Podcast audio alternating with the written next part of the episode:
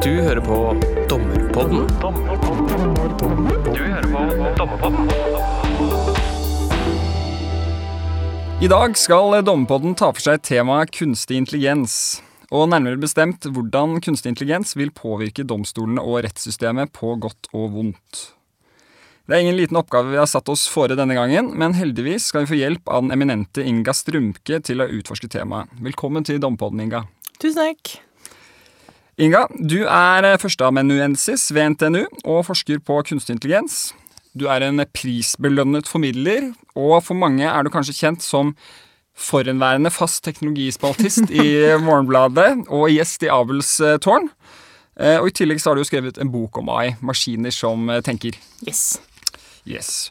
Og eh, det ville vært en underdrivelse å si at du er i vinden for tiden. Personlig så har jeg sikkert hørt eh, fem ulike podcaster der du er gjest. Lest en drøss intervjuer og artikler av deg, og selvfølgelig lest denne boka da, som jeg akkurat nevnte. Og nå høres det kanskje ut som at jeg er over snittet interessert i deg, Inga Strumke. Eh, men jeg mener jo at det har vært nærmest uunngåelig å ikke bli opplyst om AI fra deg da, den siste tiden.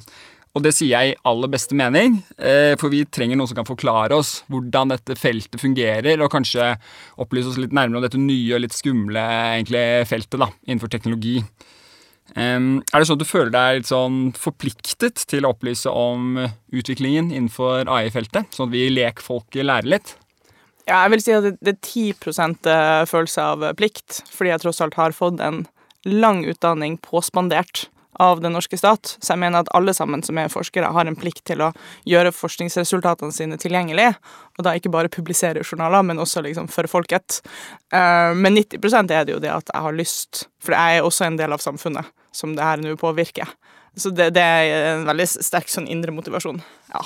Ikke sant? Ja, nei, men det, det høres veldig bra ut. Og eh, vi kan jo bare starte med det helt eh, grunnleggende. Altså sånn, hva er AI? Jeg føler at jeg lett kan tråkke noen eh, feller ved å kalle det en sånn den AI-en der, og liksom Vil du forklare det kort?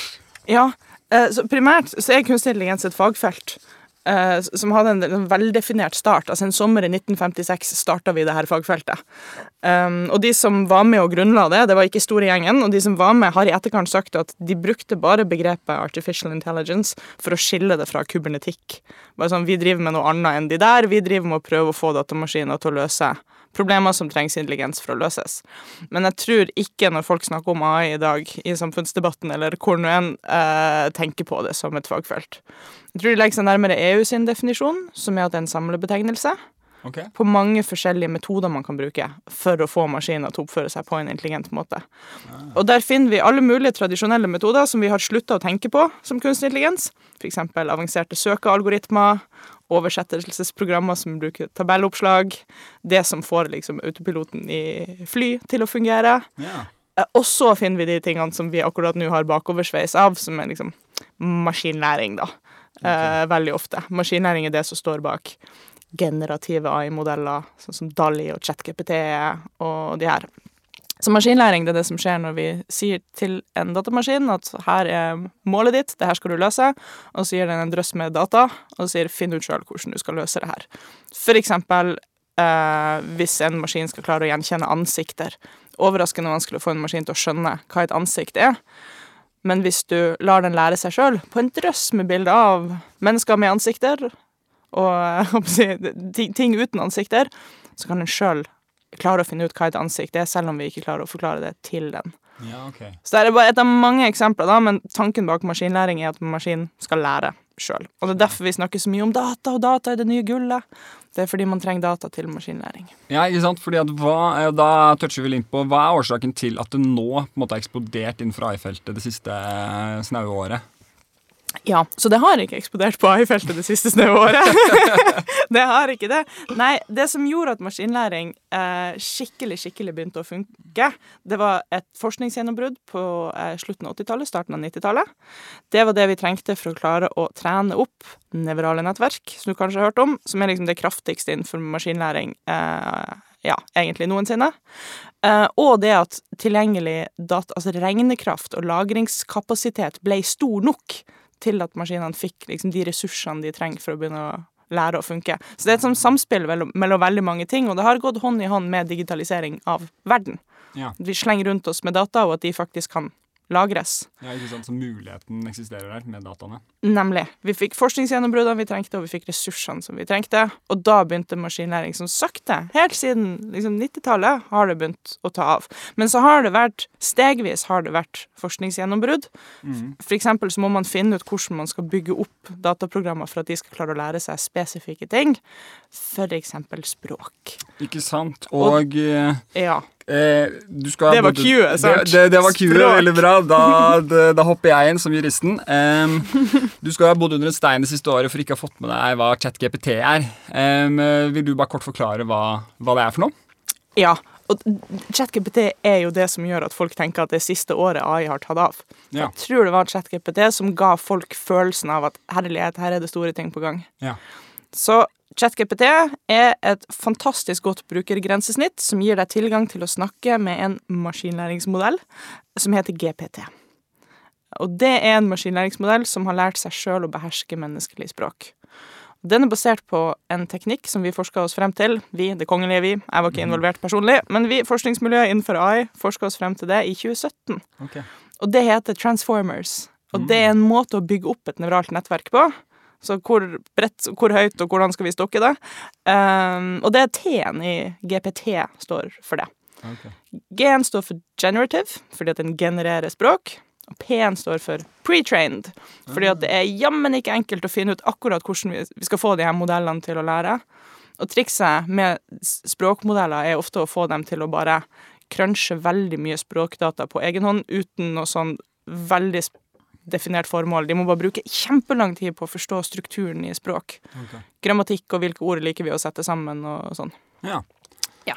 All right, da vet vi litt mer om hva ChatGPT er for noe. Um, og så lurer jeg litt nysgjerrig på, hva er det du forsker på innenfor AI-feltet? Åh. Eh, Jeg forsker på noe som heter forklarbar kunstig intelligens.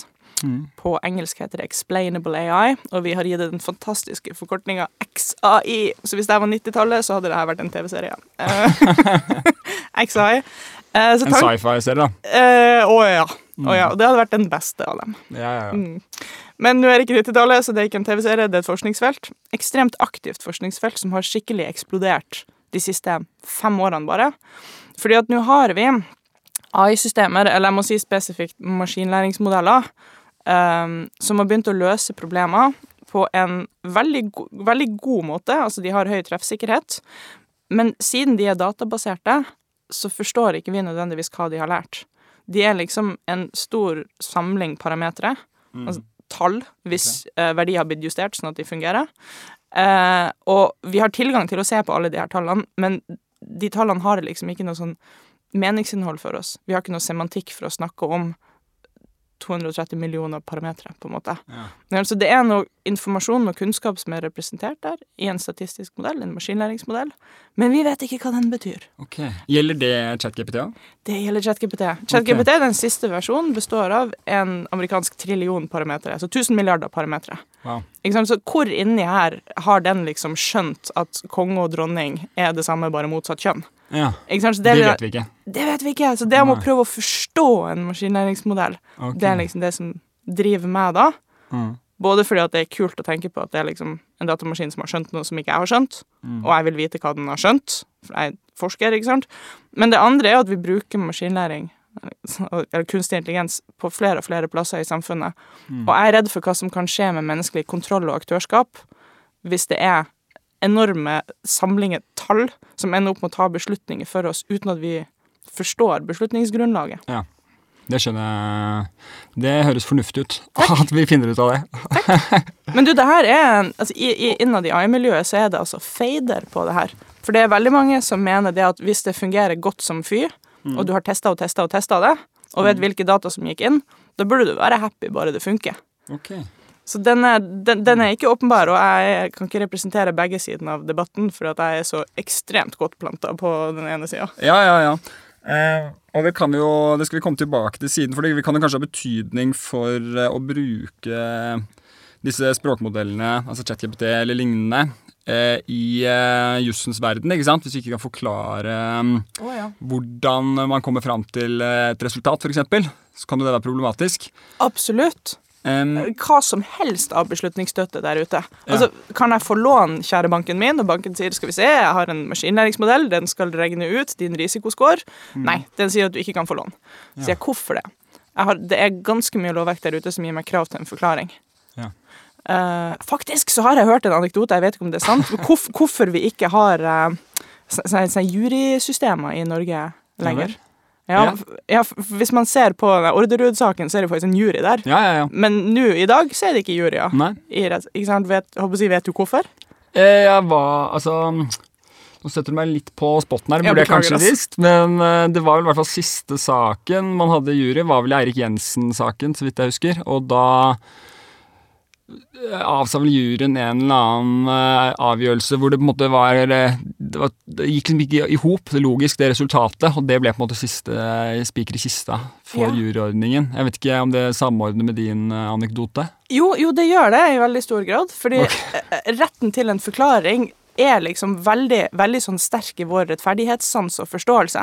Altså, hvi- Hvis en eller annen beslutning går utover meg, så skal jeg ha en forklaring på hvordan den beslutninga ble nådd. Ja, ja, ja. Ikke sant? Og mm, en jury kan ofte ikke forklare mer enn at nei, det føltes rett eller det føltes feil.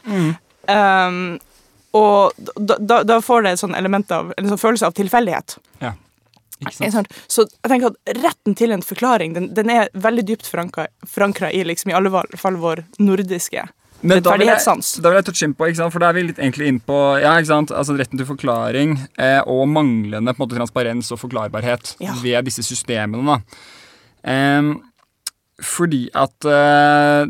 Er det prinsipielt sett betenkelig å bruke AI til å fatte avgjørelser som påvirker folks rettigheter, dersom man ikke kan forklare hvordan de fungerer? Det er jo det vi er inne på nå, egentlig. Absolutt det vi er inne på. Um, men så tenkte jeg litt videre, Fordi dette leste jeg jo litt om i boka di. da, så tenkte jeg litt på egen hånd. Men er det uh, egentlig et problem hvis det Hvis språkmodellen kommer ut med en masse tekst som er logisk overbevisende uh, ut ifra de rettskilder og hensyns og verdier som vi mener er riktig å vektlegge i vår rettsstat. da, ikke sant? Du kan få en veldig godt begrunnet avgjørelse, selv om du ikke vet hvordan den avgjørelsen hvordan man kom fram til den avgjørelsen i av disse tallene, hvis du skjønner hva jeg mener? Ja, jeg skjønner absolutt hva du mener. Så her er det mange lag, da.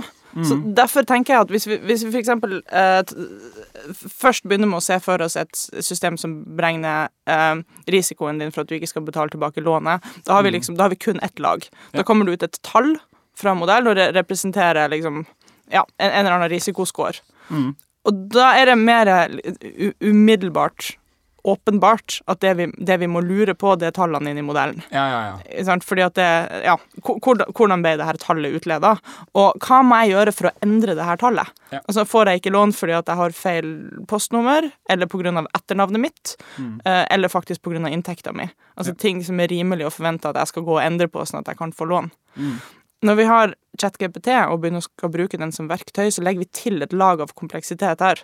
Da er det ene det er de tallene ChatGPT består av. Og det andre er den teksten som kommer ut av ChatGPT, som vi mennesker har mye lettere for å tilegne et meningsinnhold.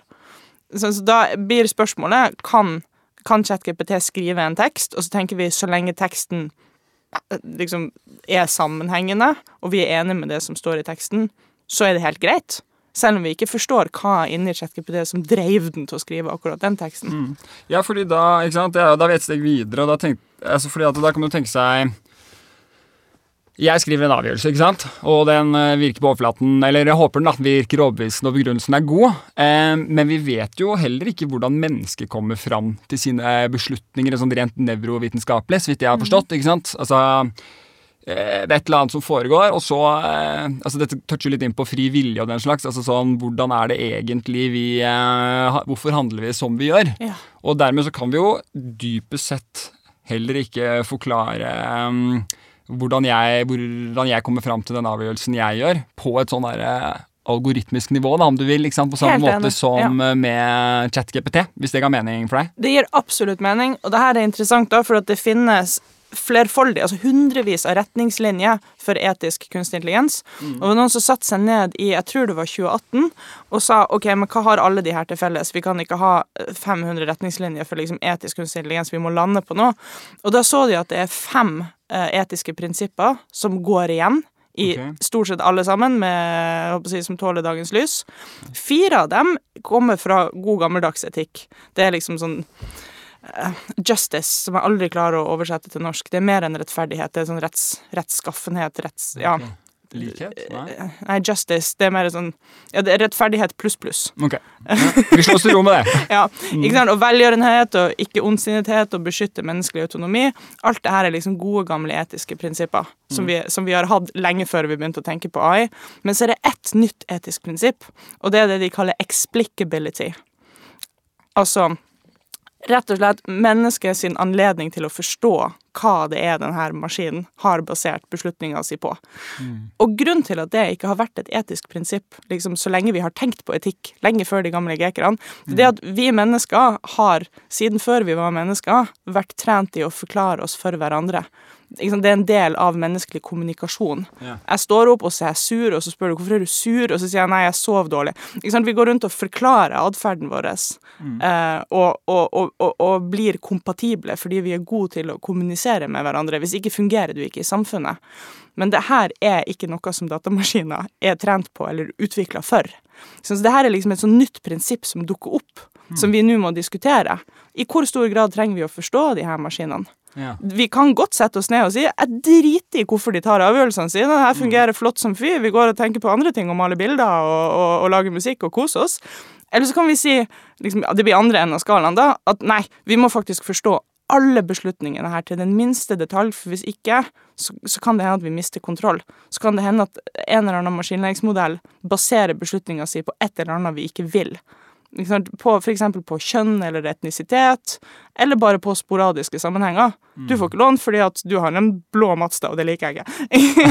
ikke sant? ja, det er jo verst. Ikke sant, vilkårlighet. Vilkårlighet, det liker vi ikke. Det går veldig dårlig uh, uh, Det går egentlig dårlig sammen med de andre etiske prinsippene, som er eh, for eksempel menneskelig autonomi. Men sett da at den tekstmassen som begrunner avgjørelsen, da, ikke mm, tar opp i seg ikke sant, eh, disse Nei, vi har ikke vektlagt f.eks. vilkårlige hensyn og den slags. ikke sant, Sånn at hele teksten og avgjørelsen og alt er overbevisende.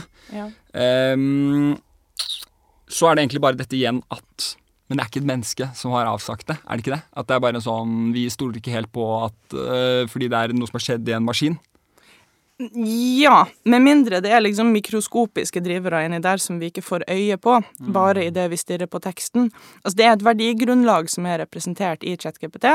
Det er litt sånn, eh, litt sånn konservativ Disney-USA, kan du si. Liksom, Ok. kris, kristne, kristen Disney-USA. Det, det er verdiene som er bygd inn i ChatGPT. Du får den ikke til å være liksom rasistisk og transfobisk og homofob. Eh, du får den ikke til å gi deg eh, skildringer av vold eller sex. Eh, altså Det er noen sikkerhetsmekanismer som er der med god grunn, og dem er vi enige med. Men det er et verdigrunnlag som har lagt inn de, de her, her konkrete begrensningene som styrer ChatGPT sin tekst i en viss retning. Og det her har vi ikke innsyn i. Det er OpenAI som har utvikla den. Vi aner ikke nøyaktig hvilke data den er trent på, og nøyaktig hvilke sperrer og føringer de har bygd inn der. Så jeg vil si at her forsvinner litt autonomi. Så vi har ikke bestemt nøyaktig hva som skal legge føringer for hvilken tekst som kommer ut, men de her føringene bestemmer all teksten som kommer ut. Så her er det noen bitte små beslutninger som forsvinner. En annen måte å konkretisere denne diskusjonen, kanskje litt lettere, er den saken som eh, europeiske datatilsyn nå har gående mot Meta. De sier at Datatilsynet har lagt inn forbud mot atferdsbasert markedsføring. Som Meta har ikke lov til å bruke informasjon om hvor fort du scroller og hva du klikker på osv. Mm. Til, til å vise deg reklame. Og det er interessant, for på én side så kan du si hvorfor ikke? Hva jeg scroller saktere forbi, er jo harmløs informasjon om hva jeg liker. Samtidig så har vi massevis av litteratur, akademisk litteratur, som viser at du kan bruke dataopplysning om atferd til å finne ut noe om folks mentale helse. Altså om de er deprimert, eh, om de er manisk-depressive, om de har dårlig impulskontroll, om de har angst, osv., osv. Så, så spørsmålet her blir da OK, er det, er det harmløst? det de her atferdsbaserte anbefalingssystemene har funnet ut om oss, eller er det sensitive personopplysninger de har utleda? Det vet vi ikke, hvis vi ikke greier å forklare de her modellene. Så så det, sant, hvilken avgjørelse skal vi ta? Det er faktisk avhengig av hvilken informasjon de her modellene har klart å komme frem til. Det er jo et, øh, en såkalt midlertidig forføyning inne i Oslo tingrett øh, nå, fordi Datatilsynet har gitt øh, Facebook dagbøter, så vidt jeg har forstått. Ja, en mild for dag. Det Ja. er fine bøter. Øh, og det er vel nettopp av den praksisen her, er det ikke det? Jo, jo. Ja. Det er artig. Meta, de bare, det er en artig maktkamp og dynamikk som foregår. En offentlig myndighet, tilsynsmyndighet, sier dere får ikke lov. Og i stedet for å si unnskyld, vi skal slutte, så sier Meta ja, da går vi til tingretten. altså, vi har Vi mister jo litt selvbestemmelsesrett i det her landet Ja, nå ja, fordi at teknologigigantene er- har jo blitt nesten naturkrefter. Absolutt. Det er et godt poeng. Eh, men så, ikke sant, og etter hvert som vi, bare for å liksom eh, I litt forlengelsen av dette med eh, Si at vi ikke klarer helt å finne ut hvordan denne språkmodellen eh, kom fram til sine avgjørelser. Så kan det være at vi til slutt blir så vant til kunstig intelligens Mm, at det- Sett vane. ja, ikke sant? At vi til slutt bare sier at øh, jo, men det, det er overbevisende nok, og jeg stoler på det. Ja, ikke sant? sånn På samme måte som med mennesker. da At vi vet jo ikke hvordan de kom til, vi kom fram til avgjørelsene, men vi stoler jo på det. Det gjør vi. Eh, og da kan det hende at vi må innom eh, moralsk aktørskap. Diskutere det. Mennesker har moralsk aktørskap fordi at og moralsk aktørskap det er egentlig noe du får fra samfunnet. Altså, du, er, du er en del av samfunnet, og du har lov å påvirke samfunnet. Men det er også fordi at du har liksom skin in the game. Hvis samfunnet fungerer dårlig, alt fra ditt lokalsamfunn til liksom hele landet, så går det utover deg. Du har en interesse av å oppføre deg sånn at det gagner samfunnet, og samfunnet går bra. Ikke drepe babyer. ikke sant? Altså, oppfør deg bra. Eh, maskinlæringsmodeller har ikke skin in the game. Nei. Vi har ingen grunn til å tro at de skal oppføre seg på en måte som gagner samfunnet. Nei. Hvis vi oppdrar mennesker eh, på en god måte, så tilegner de seg stort sett god moral. Uansett hvordan vi oppdrar en alligator, så vil den ende opp med å spise mennesker. Ikke sant? Gjøre ting som vi ville ha sagt er slemt hvis, Ja, eh, hvis den var et menneske. Mm. Sånn, så det å gjøre noe til en del av samfunnet etter beste evne, er ingen garanti for at den kommer til å ha en atferd som faktisk gagner samfunnet. Så det er et sikkerhetsaspekt her som vi ikke kan hoppe bukk over. Ja, og det er jeg helt enig i. Så det var egentlig bare det at man Jeg bare så for meg et situasjon der man eh, der man ble så vant til det at Ja. man likevel kjøpte det. ikke sant? Ja, ja, jeg tror det du ser, er det mest realistiske. Ja, ok. Ja, det, det tror jeg. ja, det vi sklir inn i veldig mye ja, det er veldig mye sedvane som kanskje ikke er bra, men vi blir så vant til det at Mm. sånn bare er det. Vi spiser altfor mye sukker. Ikke sant? Altså, det er masse eksempler på ting som bare er komfortable og deilige, og som vi har blitt vant med, men som vi kanskje ikke hadde valgt aktivt. Ikke sant. Ålreit. Um, så da er vi jo dypt nede i materien eh, utfordringer ved AI for domstolen og rettssystemet. Det er bra. Da zoomer jeg, et, eh, zoomer jeg litt ut, og så skal vi da se litt nærmere på dette, litt mer overordnet. Eh, fordi Da jeg tok eh, kontakt med deg for å høre om du ville lage en episode om AI og domstolene og rettsstaten, så sa du at yes, det vil jeg gjerne, for det er et av mine favorittemaer. Ja. Hvorfor det? Fordi at spørsmålet om hvordan vi skal eh, sikre at vi får en bra fremtid med kunstig intelligens, er stort og vondt og vanskelig. Så for en forsker så er det jo bare en komplett drøm. Vi aner ikke, men jeg tror at veldig mye må gå via juss og regulering. Vi kan ikke bare liksom la det skure og gå. Eh, vi, har, vi har liksom reguleringer av en grunn. Vi har, vi har regler og lover av en grunn. Ja. Um, men vi ser at veldig, veldig mye regulering slutter å fungere i konteksten kunstig intelligens. Og vi ser at det oppstår noen par litt sånn lovtomme rom. Så spørsmålet er hvordan skal vi tilpasse den praksisen som vi allerede har, sånn at det funker? Hvordan skal vi finne ut hvilke nye reguleringer vi trenger?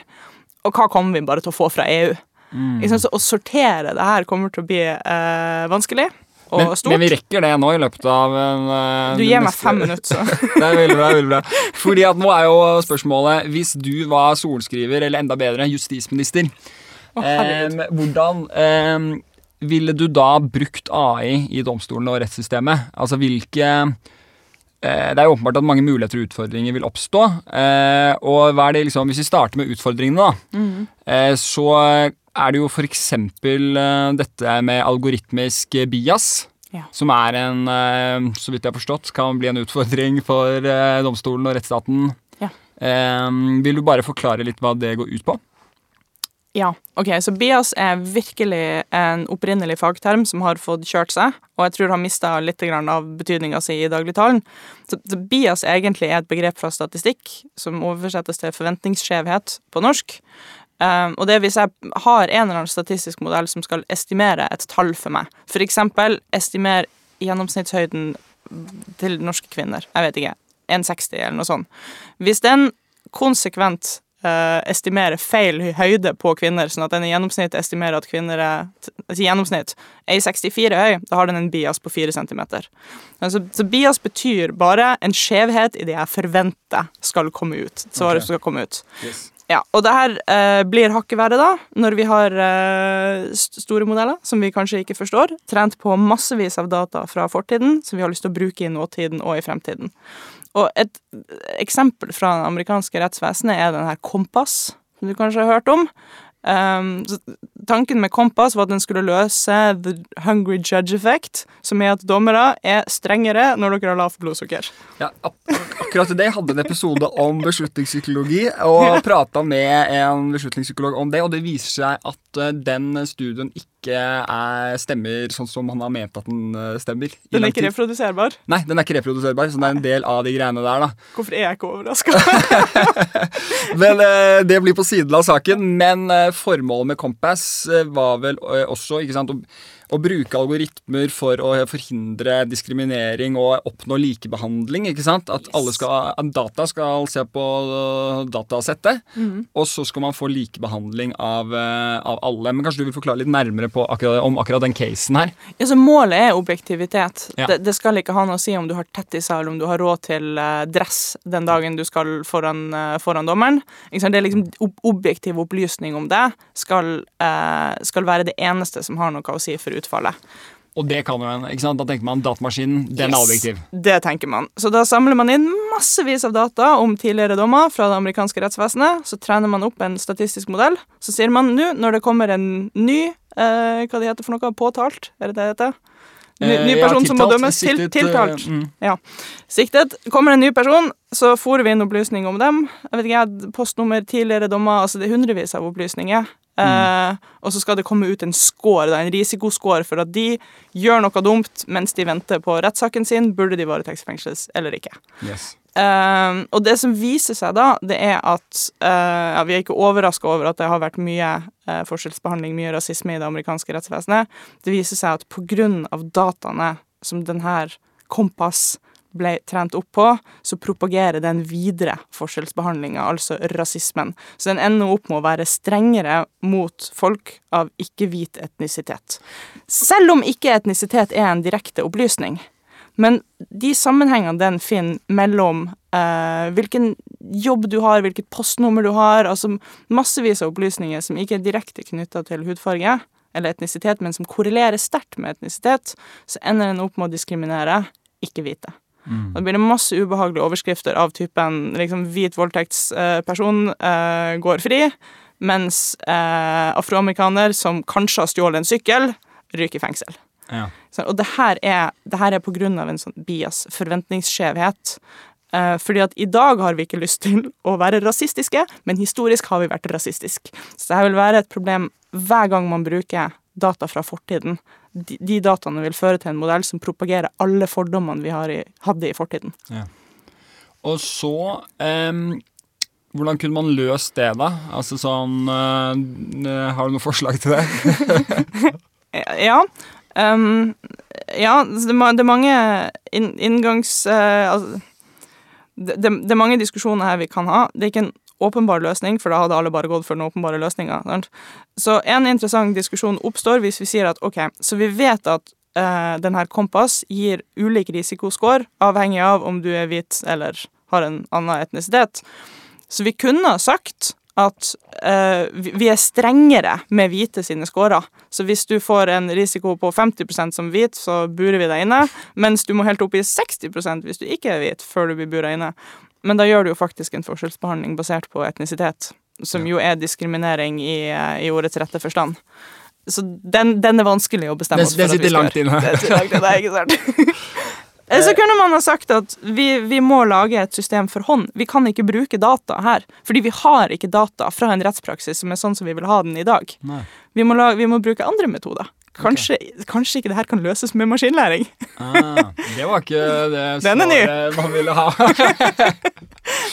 ok, ja, nemlig. Eh, men det er i hvert fall et tydelig eksempel på eh, utfor... Altså, ikke sant, for man ser her egentlig at man tenker yes, vil ha dataene gjøre det. Da slipper man den psykologiske faktoren med mennesker ulikhet og rasisme og hva det skulle være. ikke sant? Det er også objektive datamaskiner, men så fordi at dataene de trenes opp på, kan kan man si at dataene har biaser, liksom? Altså, eller vorder for eh, Ja, eh, altså diskriminerende algoritmer?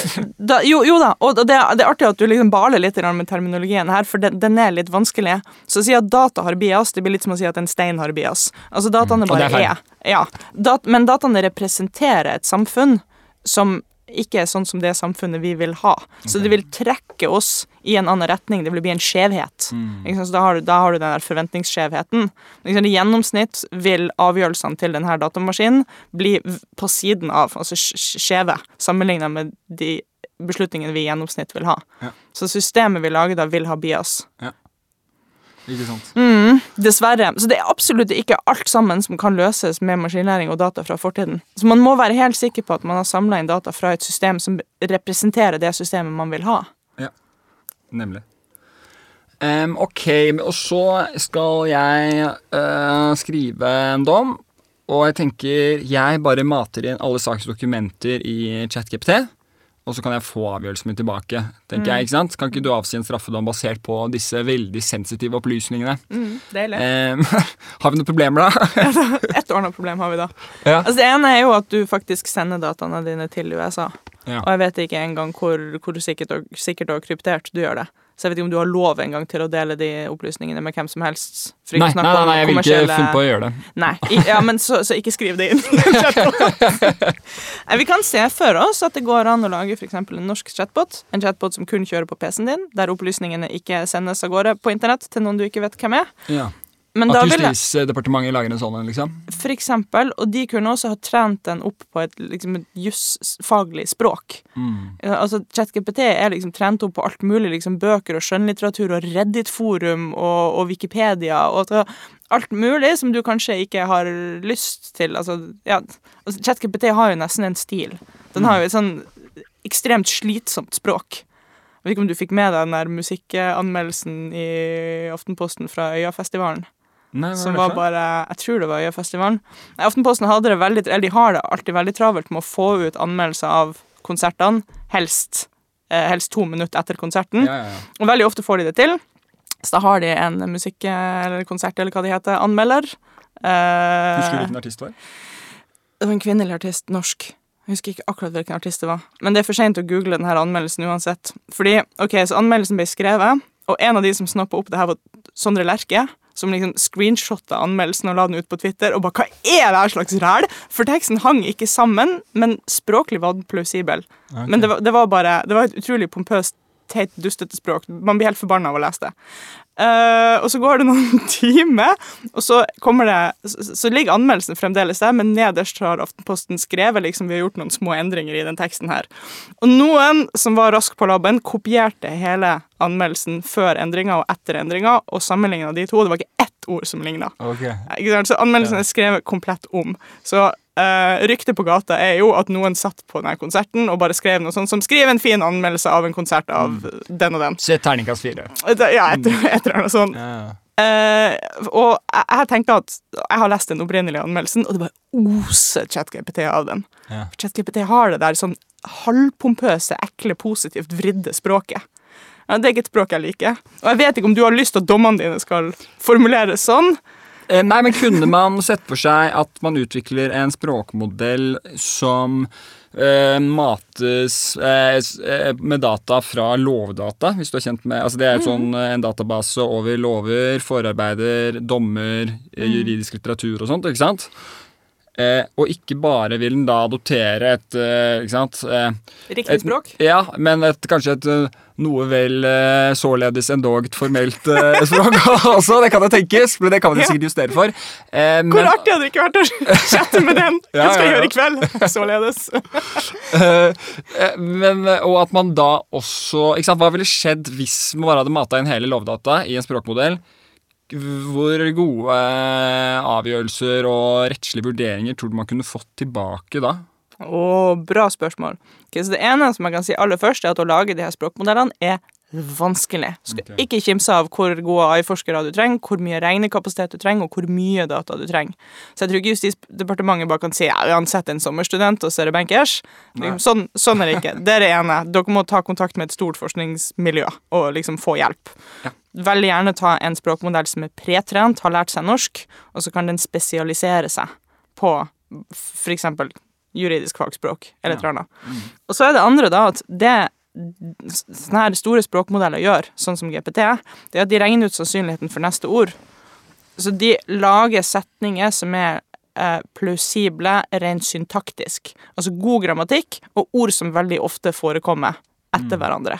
De, de, de har ikke um, De søker ikke opp informasjon.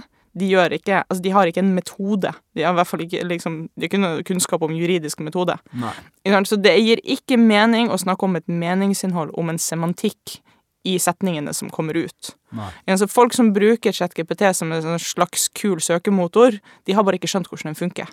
Det er ikke en kilde til informasjon, det er en kilde til kommunikasjon. Og, og, og en datamaskin kan ikke være avsender av et budskap, for datamaskiner er ikke aktører. nei, ikke sant. Ikke sant? De har ikke personnummer og de har ikke organisasjonsnummer. Ikke sant? De, eier, de eier ikke utsagn. Men kan man eh, ikke sant, Språkmodeller funker på én måte, men kan man se for seg en eller annen generativ AI-teknologi som kan eh, på en måte produsere rettslige tekster som gir mening ut ifra eh, det vi forbinder med god juridisk metode? Man kan se det for seg, men da må man kombinere en sånn språkmodell, som er flink å lage setninger vi liker, med noe annet noe. Uh, og det her noe annet nå må representere en eller annen liksom, logikk. Kanskje gjøre noen oppslag, forholde seg til noen regler, som flinke jurister er nødt til å sette seg ned og formulere. Ja. Så en språkmodell alene er ikke nok, for det er liksom en, det er en bablebåt. Ja, ja, ja. Så, og, altså det finnes um, For eksempel så har jo tech-gigantene prøvd å, å, å inkorporere språkmodeller i søkemotorene sine. Sånn at det er en søkemotor i bunn som søker etter faktisk informasjon, og så er språkmodellen der for å formulere informasjonen på en fin måte. Det kan man se for seg. Ok. Um, og hvis man da ser for seg en sånn eh, modell, så, sant, så kan jeg stille da et rettslig spørsmål, og så kan den kanskje finne fram til relevante rettskilder og si dette er antagelig rettstilstanden på det rettspørsmålet. Ja, ja, ok, hvis du har en veldig god søkemotor som faktisk kan søke i dokumenter, og du kan fortelle den på en eller annen måte hvilken utvalgsregel den skal bruke for å finne relevante dokumenter, så ja. Men det er ikke en jobb for en chatbot. Nei, ikke sant. Um, men det er artig at vi snakker om muligheter her, uh, litt sånn fra perspektivet hvordan kan jeg bruke det, liksom, uh, det hotteste fra AI nå til å gjøre jobben min annerledes eller lettere. Jeg tenker jo Hvis jeg hadde vært jurist, så hadde jeg starta i andre enden, Ok. som er hvilke nye utfordringer gir det her røklet av noe kunstig intelligent teknologi oss? Jeg ville jo ha hoppa ned der, men det er, jo, det er jo forskeren i meg som snakker da. Ja, ja, ja. Men liksom, hvordan, eh, hvordan skal vi forholde oss til beslutninger som er nesten 100% tatt av en datamaskin, der det bare står et menneske og bare 'ja, jeg gjorde det PC-en sa'? Ja. Hvordan skal vi fordele ansvar og aktørskap? Ja, Hvordan skal vi det, da? Ja, nei, jeg har snøring! Jeg lurer jo på om maskiner kommer til å telle som aktører i samfunnet innen ti år. Ja. Fordi maskiner faktisk ofte kommer frem til bedre beslutninger enn mennesker klarer. Eller den varmeste poteten jeg noen gang har vært borti i hele mitt liv, opphavsrett. Ja.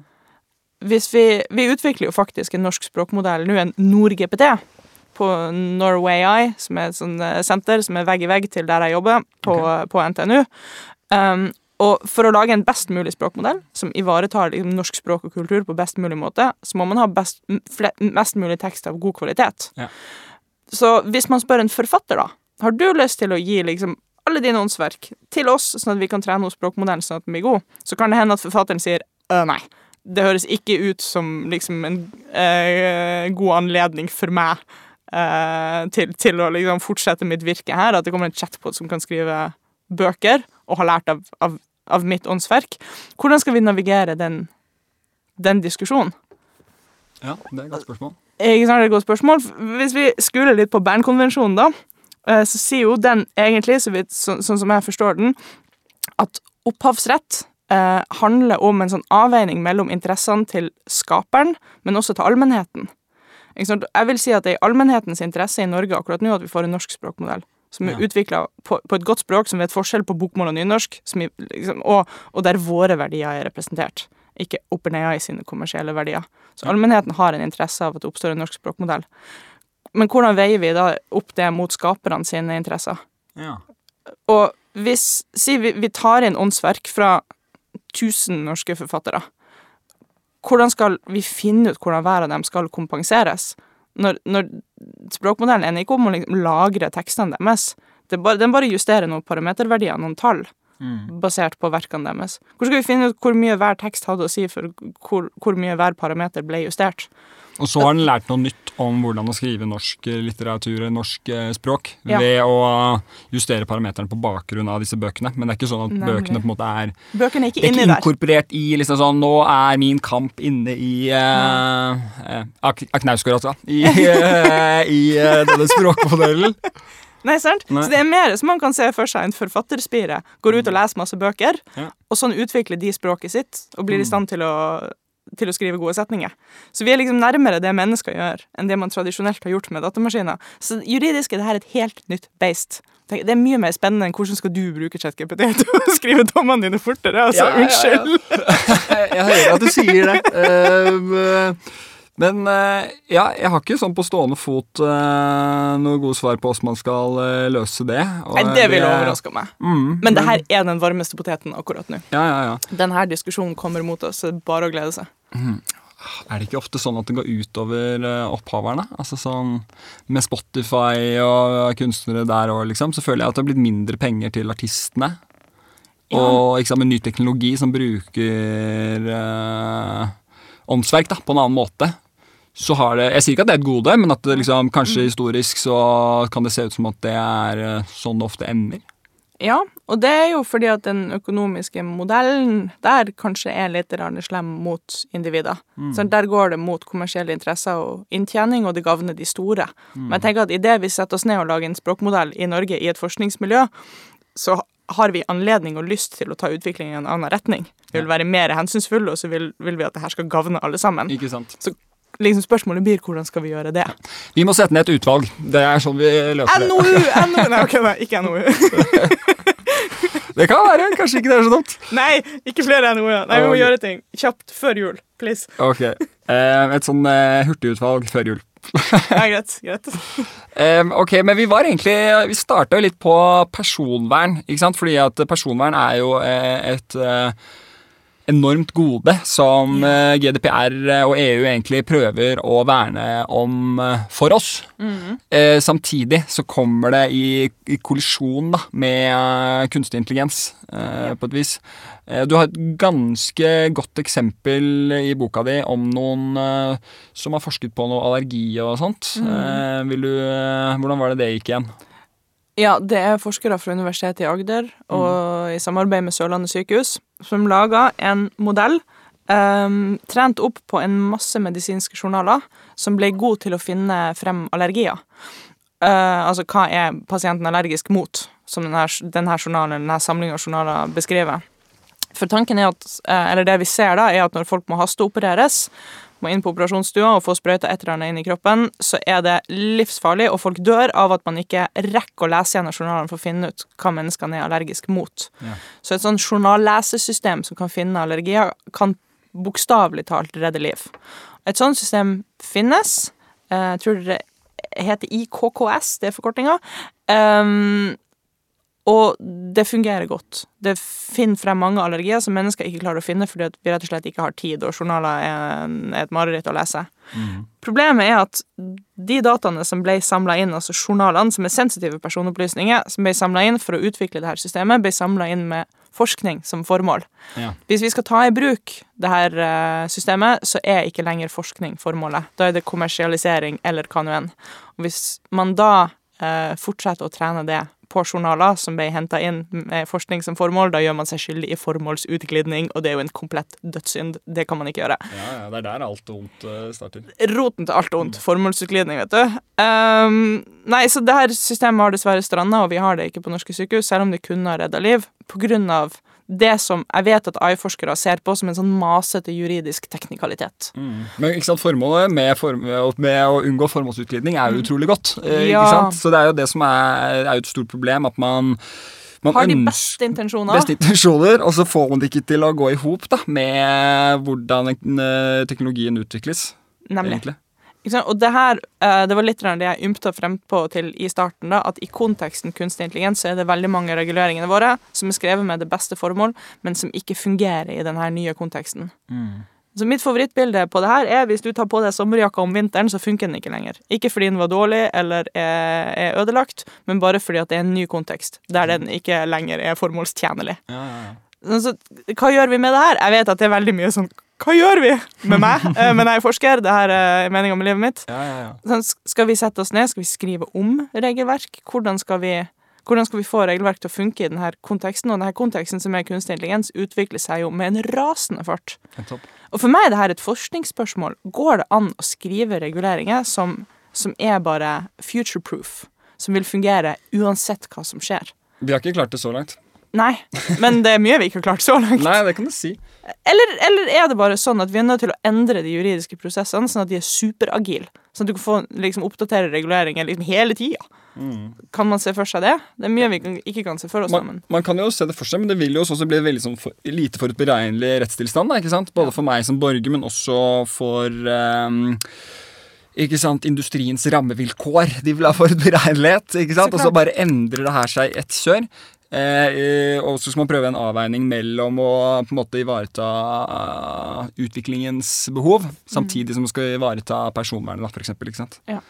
Um, så der tror jeg vi må sette ned et nytt utvalg. Som, Nytt utvalg, ny NOU. Um, nei, og det som er veldig synd, som vi ser skje da, det er det at de store som har masse juridiske muskler, eller som bare kan budsjettere noen bøter, de trekker ifra. Altså det er Teknologigiganter nå de blir bare større og større og får bare mer og mer makt. Og de, de, ja, når tilsynsmyndigheter forteller dem noe, så springer de til tingretten. Mm. Mens de små eh, gründere, som vi setter mye innovativ lit til i Norge, eh, små og mellomstore bedrifter, som er det Norge består av, de sliter skikkelig med det her. Så det oppstår nesten et sånn klasseskille i eh, eh, Ja, hva skal jeg si I, i, i liksom det I selskapenes verden. I selskapenes verden, ja.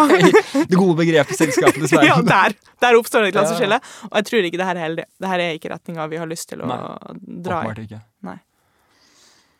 Okay, og Flere spørsmål. Unnskyld, jeg vet at det er veldig vanskelig når man har meg som gjest, og end, end on a high note. Men det her er gleden av å snakke med en forsker. Ja, ja, herregud, jeg gleder meg over den samtalen ja, altså. Ja, ok, bra. Og det jeg forteller deg, det er jo at du kommer til å ha nok å henge fingrene i herfra og ut. Ja, det er godt. Det er godt å høre. Spørsmålet står i kø. Ja, så, øh, det er jo bra, for man er jo litt redd for Eller øh, altså det er jo et av de liksom klassiske spørsmålene ved AI, er jo at man er redd for å miste jobben sin. Ja. Øh, men her høres det ut som det er nok å bale med for jurister, i hvert fall. Det er nok å bale med for jurister. Det er det ene. Og så er det andre Det er et mye mer overordna spørsmål, da, men det er jo den her Men hva er det egentlig jobber gjør med oss? Hvorfor har vi jobber? Hva er formålet med å ha jobber? Altså, Er det en erstatning for en eller annen sånn følelse av mening? Er det vår måte å bidra til samfunnet? Er det må vår måte å ha en maktposisjon overfor eh, staten? Sånn, hva, altså det at det er viktig for oss å ha jobber, det, det, det er ikke sånn at vi liksom, da vi kravla opp av ursuppen, fant ut at vi må ha jobber for å fungere. Altså, det her er et fenomen i det moderne samfunnet. Så kanskje vi må ta et steg tilbake og spørre ok, men hva her er det vi trenger å bevare? Det er jo ikke nødvendigvis arbeidsoppgaver. Nei. Men så hva, hva er essensen her? Ja. Flere spørsmål. Nok et eh, Men eh, ikke sant, helt betimelig. Så, men jeg tenker at vi sparer Borgerland-spørsmålet til en annen podcast. Ja, da må du ta med noen andre, altså. Eh, for det går litt utfor skåpen til domfolden i dag, i hvert fall. Men eh, ok, og så var vi også inne på dette med en annen utfordring, er jo dette med ansvarspulverisering, ansvarsfordeling. Eh, hvorfor det? Hvorfor det? Nei, det er jo ideen maskiner eh, hjelper oss å ta beslutninger i større og større grad, og et menneske nesten bare blir representanten for en maskinell rådgiver. Da oppstår jo spørsmålet hvem er det egentlig som har tatt denne avgjørelsen, og hvem har ansvaret for den? Hvis det kommer et tall ut av en maskinleggingsmodell, tallet er 0,9, og du vet at terskelen er 0,5, det er over terskelen, da blir svaret ja. Eier du den beslutninga da? Kan du stå til ansvar for den beslutninga? Hvis det er en modell som er trent opp på masse data som tar en beslutning som viser seg i etterkant å være dårlig, hvem har da ansvaret for den? Er det mennesket som kom med tallet og sa svaret blir ja? Er det mennesket som samla inn dataene og utvikla modellen? Eller firmaet som gjorde det? Er det styreleder som bestemte seg for at vi skal være agile og bruke AI i vår organisasjon til å ta beslutninger? Det er Jeg klarer ikke helt å liksom strukturere det her, da. Nei, vel, men i en domstolssammenheng så må det jo være dommeren som velger å ta i bruk det verktøyet her, eh, og så får man Men velger du som dommer å ta i bruk verktøy? Er det ikke noen over deg som sier her er det lov eller ikke lov å bruke sånne verktøy? Jo, nå ser jeg for meg en fremtidig situasjon da, eh, hvor det finnes et eh, sånt verktøy som, eh, som man får lov til å ta i bruk. da, Og så kan det tenkes at det vil være utfordringer med dette nyutviklede jusverktøyet. ikke sant, At det har biaser, eh, eh, datasettet har biaser, eh, eh, og den slags. Og at dommeren da kanskje må stå til, ikke sant, gjøre sånn Ok, jeg har brukt dette, men jeg må jo til syvende og sist gjøre en kvalitetssikring av eh, om jeg syns det stemmer overens med det jeg oppfatter bevisene sier, og den slags. da. Kanskje man kan tenke seg i en domstolssammenheng. Ja, at du fremdeles har ansvaret, og maskinen er kun rådgiveren din. Og det er jo det her human in the loop-greia som vi har i personvernforordninga også. Okay. Det er mye mindre strenge krav hvis du har et menneske i loopen, og maskinen kun er beslutningsstøtte for mennesket. Da frafaller, så vidt jeg har skjønt det i alle fall, jeg tror det er artikkel 11 det her, eh, forklaringskravet. Ok. Hvilken forordning var vi i nå, sa du? Personvernforordninga. Ja, okay. GDPR på norsk. Ja, ja, ja. ok. Um, men apropos eh, forordninger og den slags. Vi har jo eh, kommende regulering fra EU. EUs eh, AI Act. Det hører du jubler. Du tenker, Er det gode nyheter? Ja, jeg gikk inn i sommerferien med en sånn Jeg slapp av, kan ta sommerferie, snart kommer AI Act. Nå har jeg kommet ut på andre sida, snakka litt med folk som, folk som sitter i EU-parlamentet, og så tenker jeg nei, vi kan løse problemene våre likevel, vet du. Nei. Nei. Så kjedelig, da. Ja, det er litt kjedelig. Det er litt trist. Um, nei, jeg har tenkt at AI Act det blir verdens første AI-spesifikke regulering. Den er ikke teknologispesifikk eller teknologibasert, den er risikobasert. Så den sier Hva innebærer det? ja, så spørsmålet er ikke hva slags maskinlæringsmodeller du har vært utvikla. Spørsmålet er hvor skal du bruke den, og hvor mye risiko er forbundet med bruken. Skal du bruke den til å anbefale hvilken eh, TV-serie folk skal se på Netflix, eller skal du bruke den til å eh, si om noen har kreft? Um, og jeg tenker at det er, det er jammen en god tilnærming til å gjøre reguleringa future-proof. Ja, ok, så bra. Ja, ikke sant? Kjempegreier. Vi kommer fremdeles til å ha et enormt tolkningsarbeid foran oss, akkurat som med personvernforordninga. Eh, men her har vi i alle fall litt erfaring. Mm. Så kanskje vi kan være i forkant og si at i Norge så skal vi sette ned et eller annet utvalg med et veiledende mandat eh, som skal hjelpe å, å, å tolke eh, norske versjoner av AI Act eh, for norske aktører. Så jeg tenker ok, det her kan vi gå inn i, det her kan bli bra. Så snakka jeg med noen om f.eks. ChatGPT. Um, for sånn som jeg las AI Act-utkastet, så ville ChatGPT i sin nåværende form vært forbudt i EU. Ja, Fordi at du skal den- ikke bruke ChatGPT veldig lenge for å finne ut at det her medfører en enorm risiko for utdanningssektoren. Og utdanningssektoren er viktig for at samfunnet skal gå rundt. Fordi at, eh, sant, Da er vi i kategorien uakseptabel risiko. Um, er er det ikke det? Eller høy risiko. Ja, ok. Og selv eh, fordi at, Bare for å ta et steg tilbake. Mm. Der, ikke sant? Det var risikobasert EUs eh, AI Act skal være. Som bare ruller av tunga. Sant? Ja, ja, ja. Ordentlig sånn eh, munnfull. Eh, og eh, den eh, har som utgangspunkt at det, man har tre kategorier. Stemmer det? Ja, eller du har ingen risiko, lav risiko, Høy risiko og uakseptabel risiko. Fire kategorier. Ja, jeg tror det er de. Ja. Tror det, ja. Eh, og eh, hvis det er en uakseptabel risiko, det mest, eh, mest risikable man kan tenke seg, eller i hvert fall så risikabelt at man ikke aksepterer det, så er det uansett ulovlig. ja. For, for eksempel overvåkning av, eh, av borgere, sånn som Kina liker Ja. å bedrive. Det er uakseptabelt i EU, sier EU. Du kan bare drite i sånn social credit scoring. Det, Ja. det er bare ikke lov. Nemlig. For det er det systemet der man liksom høster poeng som borger i Kina, og dermed får liksom tilgang til goder eller blir nektet goder og den slags. Ja, altså en komplett overvåkning. Ja. Eh, det er jo eh, høres fornuftig ut at det er eh, forbudt. Enig. Eh, men var det da sånn Og så var det neste kategori, høyrisikoapplikasjoner. Eh, som Veldig mye av det som kan foregå på sykehus, f.eks. Diagnostisering av alvorlige sykdommer. Ja. Og jeg trodde at ChatGPT kom til å bo der. Når vi ser hva den har gjort med utdanningssystemet, ja. eh, så tenkte jeg at det her er et høyrisikosystem. Og det er noen krav som kommer til høyrisikosystem. Veldig mange. Favorittkravene mine er krav til teknisk dokumentasjon. Eh, OpenAI hadde vært nødt til å fortelle oss hvilke sperrer de faktisk har bygd inn. Hvilke data har de faktisk trent på. Så, altså, ja, dokumentasjon av hvordan greia funker, det hadde da vært et krav fra EU i så fall, hvis vi falt inn i denne kategorien. Eh, en risikovurdering og risikomitigerende tiltak. Så for du kan, hvis du bygger en bru, så, så, må du, så må du regne ut hva som er eh, risikoen for at brua kollapser. Du kan ikke bare si 'ja, ja, kjør på', så bare ser vi hvordan det går. Sånn, sånn, sånn har vi det ofte ikke med høyrisikoteknologier. Heldigvis ikke. Så, men ChatGPT ble sluppet ut, og så var det liksom ja, kjør på, så ser vi hvordan det her går. Det er ingen risikomitigerende tiltak på plass. OpenAI ga oss ikke en detektor. De advarte ikke utdanningsinstitusjonene. ikke sant? Plutselig bare var den der, og satte en støkk i samfunnet. Jeg trodde at hvis AI Act hadde vært på plass, så hadde det vært noen krav til ChatGPT, ellers hadde den vært forbudt i sin nåværende form. Så snakker jeg med folk eh, som er nært på AI Act, og de fortalte meg at nei da, Nei da, eh, ChatGPT kan brukes både til eh, godt og vondt. Det er ikke åpenbart at det er noe risiko forbundet med at den finnes.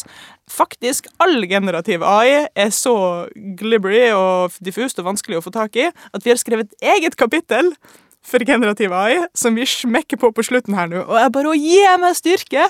So much for future proof. Som ikke da skal omfattes av denne risikotilnærmingen? Ja Jøss. Ja, så det her er rykte på gata da, fra folk liksom som jeg kjenner, men hun, var, hun jeg snakka med, var jæskla tydelig på at det, det, det her skjer. Så det er liksom før den her i det hele tatt er blitt ferdigskrevet, stemt over, har tredd i kraft, så har vi allerede begynt å skrive liksom appendikser for å få på plass det nyeste fra AI-fronten.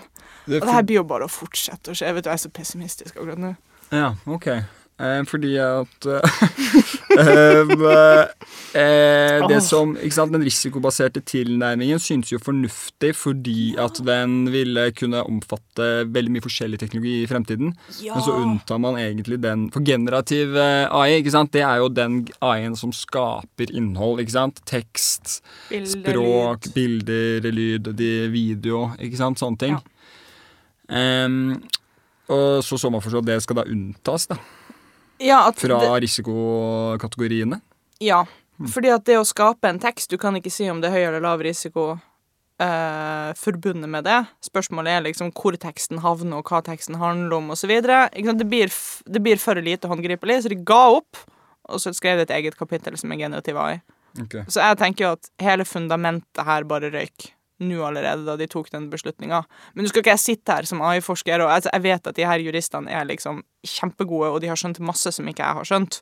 Men derfor har jeg gått fra hippera er jeg ekt til å nei, fremdeles problemer. Ok, eh, Men da, eh, da kanskje vi skal eh, eh, Da får vi bare krysse fingrene da, for at disse smarte juristene har skjønt et eller annet som ikke eh, Som ikke vi har skjønt. Ja. Og så kan vi ta inn over oss at de f.eks. sier at EAX tar ikke stilling til opphavsrett. Det her må alle landene eh, tolke og fikse sjøl. Lykke til, ha det bra, snakkes ikke. ja. Så for eksempel opphavsrettsdiskusjon, den varme poteten fra tidligere, den må vi bare ta. Så Ja. da kan vi like greit gå i gang med det nå, fordi vi vet at AI ikke blir å fikse den biffen for oss. Veldig bra oppfordring. Helt enig.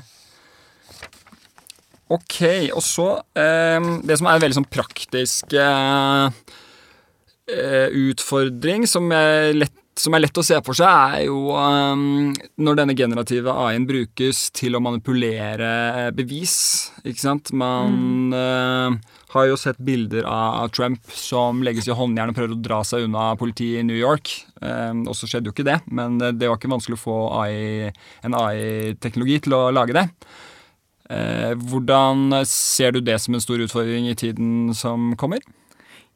Jeg tror at det kommer til å bli mer og mer av det her. Vi har masse eksempler på influensere. Øh, Hvis eh, bilder har blitt brukt til å lage liksom, nakenbildeversjon av dem, altså generert, ikke ekte. Så ja, falskt innhold, det kan vi bare virkelig glede oss til å se mer av. Men jeg tenker at prinsipielt er denne diskusjonen ikke like stor og vanskelig, for at forfalskning er ikke lov. Nei. Det er vi allerede enige om, og falsk er liksom veldefinert, da. Representerer ikke noe som skjedde i den virkelige verden. Men kan det være, kan det være vanskelig å, å avdekke at noe er falskt? Absolutt. Ja. Det kommer til å bli umulig. Det er det ene. Det finnes noen uh, teoremer, altså beviste matematiske utsagn, som forteller oss at eh, vi kommer til å ende opp med bilder som er klin umulig, uansett hvor flink du er, til å finne ut at EA er AI-generert. Det er det ene. Det andre er at alle sammen med en sommer og avse kan sette seg ned og lage modeller som får til å gjøre det her. Så utbredelsen kommer til å bli enorm. Altså Hvis du skal forfalske Rolex-klokke, så trenger du iallfall et lite apparat og noe verktøy.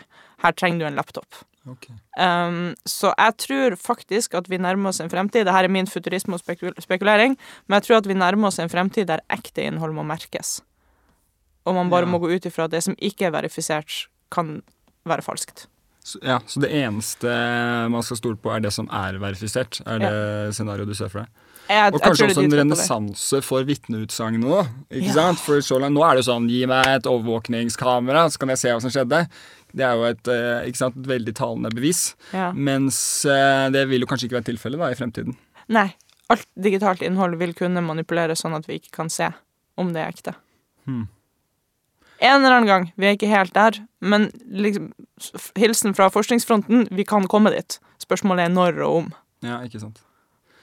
Ålreit, da har vi tatt for oss en del utfordringer. Eh, og jeg prøvde jo så vidt å dyppe foten i mulighetenes uh, innsjø. Uh, er det sånn at Det er fine bilder.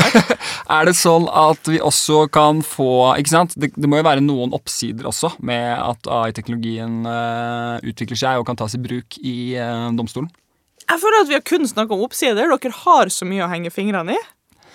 Um, nei, men altså, Det er jo mange måter å se oppsider på. da En ting, eh, Man kan se det som en oppside at man har noe å drive med. på en måte Men en annen ting er jo en oppside for domstolens overordnede formål.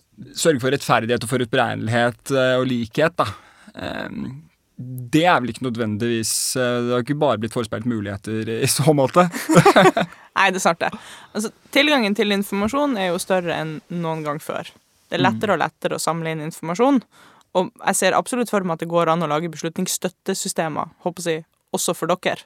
Um, men jeg mener at det er noen prinsipper vi er nødt til å naile først. Okay. Hvis ikke så ender vi opp med, med sånne her kompasstype løsninger der intensjonen var god, og så viste det seg at uh, resultatet bare var eh, ekstremt uheldig. Og da må jeg bare be deg, hvis vi tar et steg tilbake eh, hva, tenker, hva er en beslutningsstøtteløsning? Bare for å ta det helt basale først. da Ja, så det trenger ikke å være kunstig intelligens, men det kan være det. Men det er et eller annet system da som foreslår en beslutning basert på informasjon. Ja, ok Og så kan um, Altså, jeg kan se for meg at liksom Lånekassen uh, sikkert allerede bruker, eller i alle fall burde bruke det her. Altså et eller annet system som bare analyserer eh, informasjon om noen som sier vil ha studielån eller et eller annet, og hvis det ikke er noe rart der, bare får fart på saksgangen og sier jeg foreslår at vi godkjenner det her. Her er det ingen røde flagg. Ja, og det var jo egentlig det jeg drømte om i sted. Ved å mate inn Lovdatabasen, ikke sant? så kunne man fått tilbake en eller annen sånn beslutningsstøtte på et vis, da, som mm. eh, kanskje legger fram noen rettskilder eller et eller annet eh, et svar på et rettslig spørsmål, f.eks. Ja. Det kan være et sånt system. Ja. Men tenker, man må ha så ekstremt tydelig klart for seg hva man vil ha, og hva som er sikkerhetsmekanismene her, og hva, hva som er liksom tilstrekkelig forståelse av systemet til at man kan stole på det. Så jeg tror at vi hadde vært nødt til å gå inn i en enkelt case. Ja. Liksom, kanskje ikke akkurat her nå live, uh, men liksom Neste hvor, gang. neste gang. Men hvordan vi skal utvikle AI-systemer som er så uh, tillitsverdige eller ansvarlige. At vi tenker at det her kommer til å gå bra. Det mener jeg ikke er åpenbart. Nei, og, men det, det, og det mener du må foreligge før man begynner å ta i bruk denne type beslutningsstøttersystemer? Ja. Ja. Men jeg er litt konservativ. Rett og slett. Du vil finne folk med masse mer overtenning enn jeg, som sikkert kommer til å si yeah, yeah, ja, det der finnes allerede, eller det har vi på plass i morgen. Så jeg anbefaler deg å snakke med en AI-forsker som er litt mer sånn ja. Ja, men uh, jurister er ikke kjent for å Altså, det er et nokså konservativt miljø blant jurister òg. jeg tror det er i godt selskap at man ønsker å være sikker på at dette er trygge greier. Um, ok, men er det andre ting, uh, andre muligheter man kan se for seg? Vet du ikke, men jeg vet ikke nok om liksom, de konkrete problemene deres. Nei, ikke sant. Jeg skjønner. jeg skjønner eh, Så da må vi kanskje ta en liten kollokvie på det først. Men et spørsmål som jeg har tenkt, da em, Som jeg helt sikkert har eh, knabbet fra et annet sted, men det er jo på en måte om vi stiller feil spørsmål. ikke sant? For nå er jo spørsmålet mitt hvordan kan jeg automatisere et eller annet jeg driver med i dag, for å gjøre det litt enklere for meg å gjøre jobben min. Men eh, kanskje spørsmålet heller burde være hvordan kan vi oppnå det overordnede formålet med domstolen, da, som vi er inne på. ikke sant? Forutberegnelighet, likhet, eh, konsekvente avgjørelser som folk kan rette seg inn etter. Ja. For det må jo ikke nødvendigvis gjøres på den måten det gjøres i dag, ved at man bare tar ut en enkelt oppgave, og så automatiserer man den. Helt enig. Helt enig. Yes, det kan hende at det er en mye mer formålstjenlig måte å, å fordele det her inn i oppgaver. Eh, så hvis man setter seg ned med noen som har liksom, håper jeg, peiling på teknologien og er god til å programmere og kan masse IT-sikkerhet, så kan det godt hende at det går an å identifisere en bedre oppbygging av arbeidsflyten. Så denne delen av det kan automatiseres trygt. Ja. Um, men det er jammen ikke åpenbart for meg at liksom, maskinlæring må inn i absolutt alle ledd der. Nei. Det er veldig mye liksom, gode, gammeldagse greier som fungerer, uh, som vi ikke har tatt i bruk. Enten fra kunstig intelligens eller bare si, annen programmering. Ja, ikke sant. Så man må, man må liksom, vi, kan, vi skal ikke late som kunstig intelligens ikke finnes. Vi skal absolutt forholde oss til det, men det betyr ikke at vi er nødt til å stappe kunstig intelligens inn i hvert et hull. Nei. ja vel? okay. Det er litt viktig for meg å understreke, Ja, ja, ja. for hvis ikke så kommer er vi til å spurte i masse forskjellige retninger. Ja, ja, ja. Em, okay. Men jeg liker den tilnærmelsen. Den liker jeg. Ta et steg tilbake. Si hva er det overordna målet, hva er den beste måten å løse det her på, å oppnå det her målet. Mm. Um, ok, og så kanskje et siste spørsmål. Em, hvor lang tid tror du det tar før rettssystemet vil begynne å behandle kunstig intelligens og altså underliggende systemer da, som bevisste enheter med rettigheter? Ja, jeg ymta jo frem på at jeg tenkte at aktørskap for maskiner kanskje er liksom allerede innenfor en tiårshorisont. Okay. Kommer litt an på både utviklinga og også hvordan vi som samfunn forholder oss til det. Eh, men da sa jeg ikke noe om bevissthet. Nei. Bevissthet er vanskelig, for det er ikke veldefinert. Og den diskusjonen bare Jeg liker å prate med deg, men den gidder jeg ikke. Nei, og det, det vil nok også sprenge rammene for den podkasten her. Ja, Den tar vi neste gang. Så, men, med øl. men se bort men- fra, ikke sant, om vi, vi kan jo ikke vite om maskinen er bevisst eller ikke, men at det er, de er, det er noe ved dem som gjør at vi mener at de har eh, rettigheter og aktørskap. Da. Ja, sant. Og eh, både juridisk og rent teknisk så er vi enige at maskiner er ikke aktører. Eh, det er tøysete å snakke om. Det snakker vi ikke om på seriøse konferanser. Men samtidig så mener jeg at em, språket, hverdagsspråket vårt, det som står i seriøse aviser, det er en representasjon av eh, mentaliteten i samfunnet. Og vi ser at vi bruker formuleringer som 'maskin skriver barnebok'. Maskin vinner kunstkonkurranse. Maskin bestemte.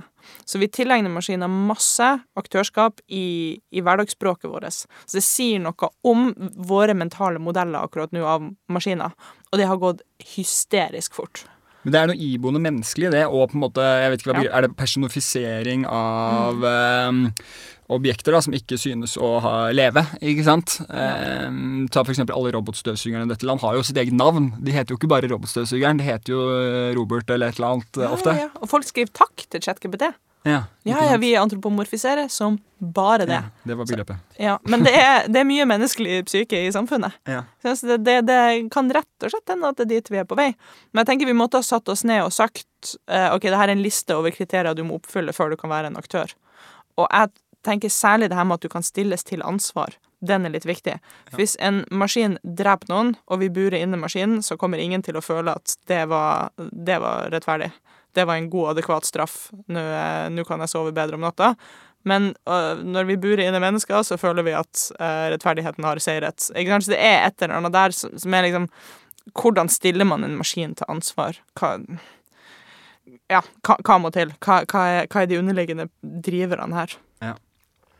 Um, og med det Så jeg tror det er, det er veldig vanskelig å gi et endelig svar på det spørsmålet. Så, men jeg er veldig fornøyd med refleksjonen din rundt det. Og, og veldig fornøyd, eller veldig takknemlig for den eh, praten her. Så tusen takk for praten og at du ville være med i Dompodden, Inga. Ja, tusen takk for meg! Vi snakkes om bevissthet en annen gang, gjør vi ikke? Jo, det gjør vi. Nice. Takk for at du hørte på Dommerpodden. Mitt navn er Mikkel Østdagen Hamar, og i dag så hadde vi besøk av Inga Strumke. Redaksjonen for øvrig består av eh, Ola Berg Lande og Ragnar Lindefjell. Takk for nå. Du har hørt på Dommepodden. Dommepodden er en podkast fra Norges domstoler og er først og fremst ment som et kompetansetiltak for dommere. Hvis du har ris, ros, forslag til temaer eller folk vi kan prate med, så er vi glad for å høre fra deg, og da kan vi nås på podkast at domstol.no. Ha en god dømmende hverdag så lenge. Vi høres.